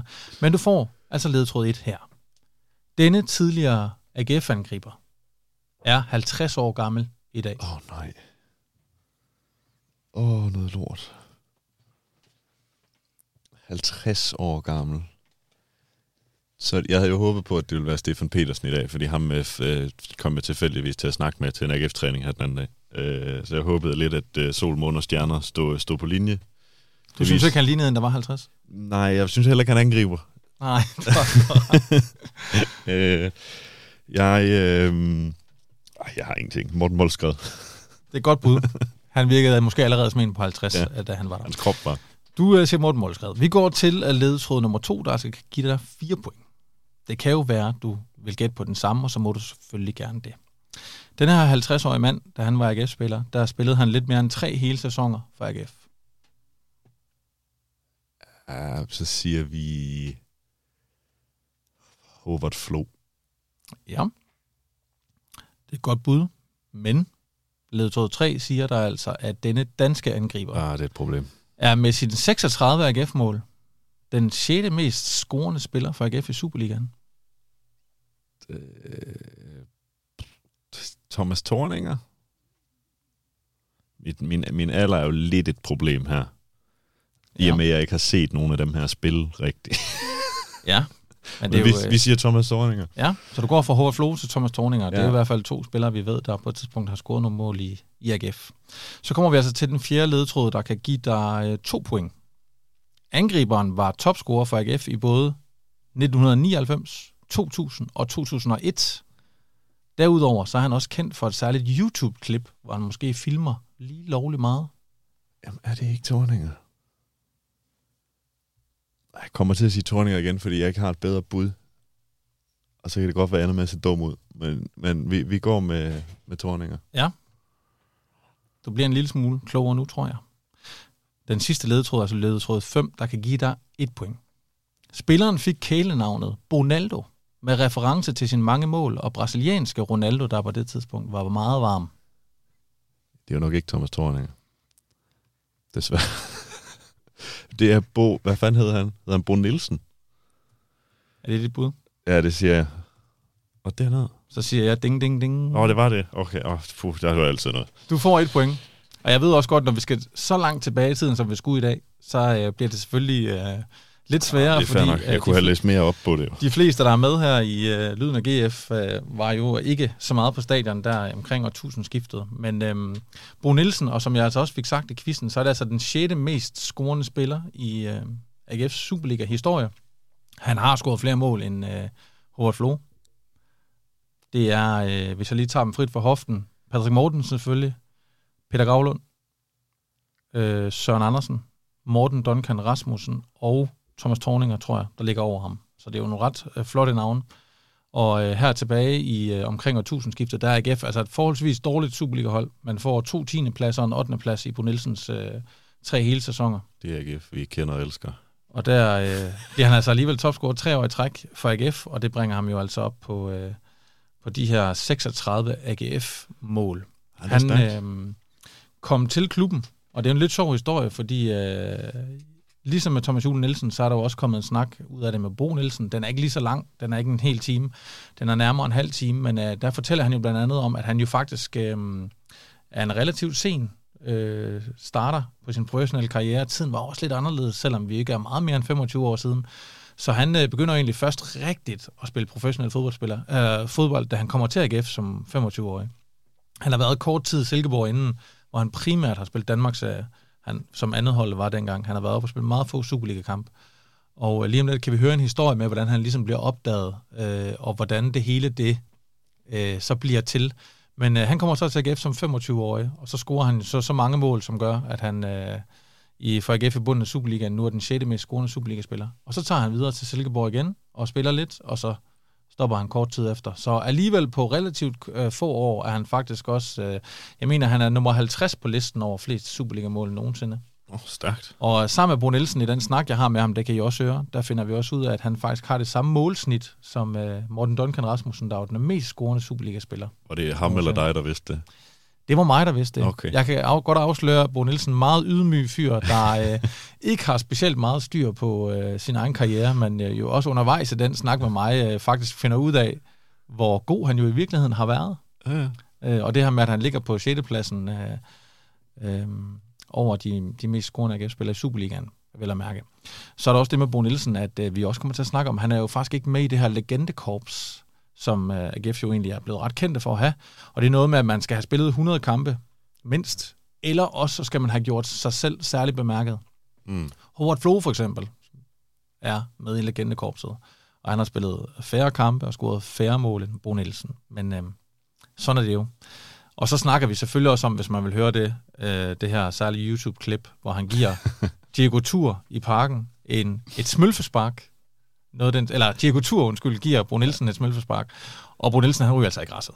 Den, øh, klip. den gør utrolig ondt på ham, og, øh, og det fortæller Bo Nielsen selvfølgelig også om. Men øh, jeg synes, man skal gå ind her en af de kommende dage, når det den gang kommer ud, øh, hele afsnittet med Bo Nielsen, og høre fra den her øh, tidligere AGF-spiller øh, hele afsnittet. Og så synes jeg lige, vi hører et lille klip nu om, øh, da han skifter til AGF for 25 år siden, øh, med Peter Rudbæk som træner. Og så møder vi AGF i en, i en kamp Det var Danmarksserien dengang, anholdt. Hvor jeg tror, jeg scorer tre mål øh, i den kamp. Og, og så ringer øh, Peter Rudbæk øh, ret tidligt efter og spørger, om jeg har lyst til at komme derud. Og så gik det stærkt. Det er en, det er en længere historie, men så øh, træner vi i, vi er i Bremen med Silkeborg på træningslejr. Spiller en kamp i Fredericia mod Vejle. Og så på vej hjem i bussen, øh, snakker jeg lidt med, med nogen fra Silkeborg, der har sagt, at de blev kontaktet, og øh, så siger han, jeg tænker ikke så meget over det. Og så, dagen efter træner vi, og så efter træningen blev jeg kaldt ind på trænerkontoret er, for at vide, at øh, de har lavet en aftale med AGF, øh, og jeg skulle køre det ud og tage mit pas med. Okay, så, så kører jeg det ud, og det er for så, fordi vi skal til Warszawa, mener jeg, på træningslejr med AGF. Så jeg kommer derud, og spillerbussen holder klar. Alle spillerne holder ned i bussen, eller sætter ind i bussen. Og jeg skal på kontoret og skrive under på kontrakten, og det ene og det andet, det bliver sendt på fax, og er det ikke Ben Wigman eller sådan noget, der er direktør på det tidspunkt, mener jeg. Er ikke den hedder Wagman. Øh, og der er, lidt, der er lidt kluder med det. det bliver sendt frem og tilbage til en advokat, og jeg tror, det tager en anden time eller sådan noget. Og der sætter resten af spillerne og venter ude i spillerbussen. Så jeg var ikke, øh, jeg var ikke specielt populær, da jeg steg ind i bussen, efter de har siddet i halvanden time og bare kigget. Så var vi ligesom i gang. Så kører vi til Skanderborg på vej til, til Warszawa der, og spiller mod OB. Øh, hvor jeg selvfølgelig starter ude og lige sætter helt andet og kommer ind ved pausen. Vi spiller 1-1, jeg kan huske, jeg scorer på Lars Høgh. Øh, det var også en, en stor oplevelse, øh, når man bare stod og kigger på førhen. Så der spiller vi det, og så er vi ligesom i gang, og så, ja, så, øh, så kom jeg den vej. Så scorer jeg faktisk min første kamp for AGF også. Øh, det er også en sjov historie, det var Peter Rudbæk, der var træner. Øh, vi spillede op i OB, vi tager 4-0, der var jeg bare som femte mand, der var jeg kommet med på tribunen for ligesom at se, hvad foregår der og sådan nogle ting.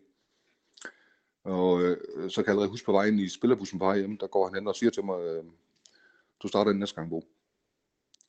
Og så var jeg ligesom, så var jeg ligesom i gang. Og øh, vi spiller hjemme mod Lyngby, mener jeg. Spiller 1-1. Der scorer jeg nemlig efter 7 minutter, tror jeg, eller sådan noget. 12 minutter. Og så øh, resten er bare historie, tænker jeg. Så, så er det bare afsted.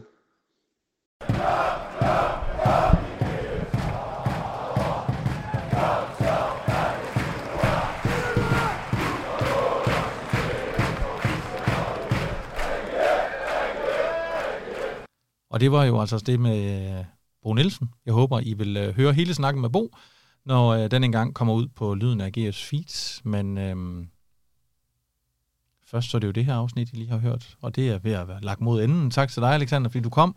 Selv tak. Vi klarede den sgu. Bare os to. Ja. Det bliver igen en lang snak om AGF.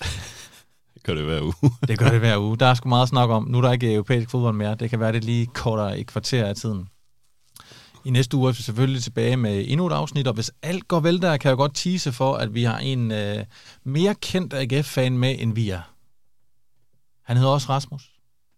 Han er også lidt en figur, blandt andet hos Danske Spil, hvor han er alt om Allan. Ja.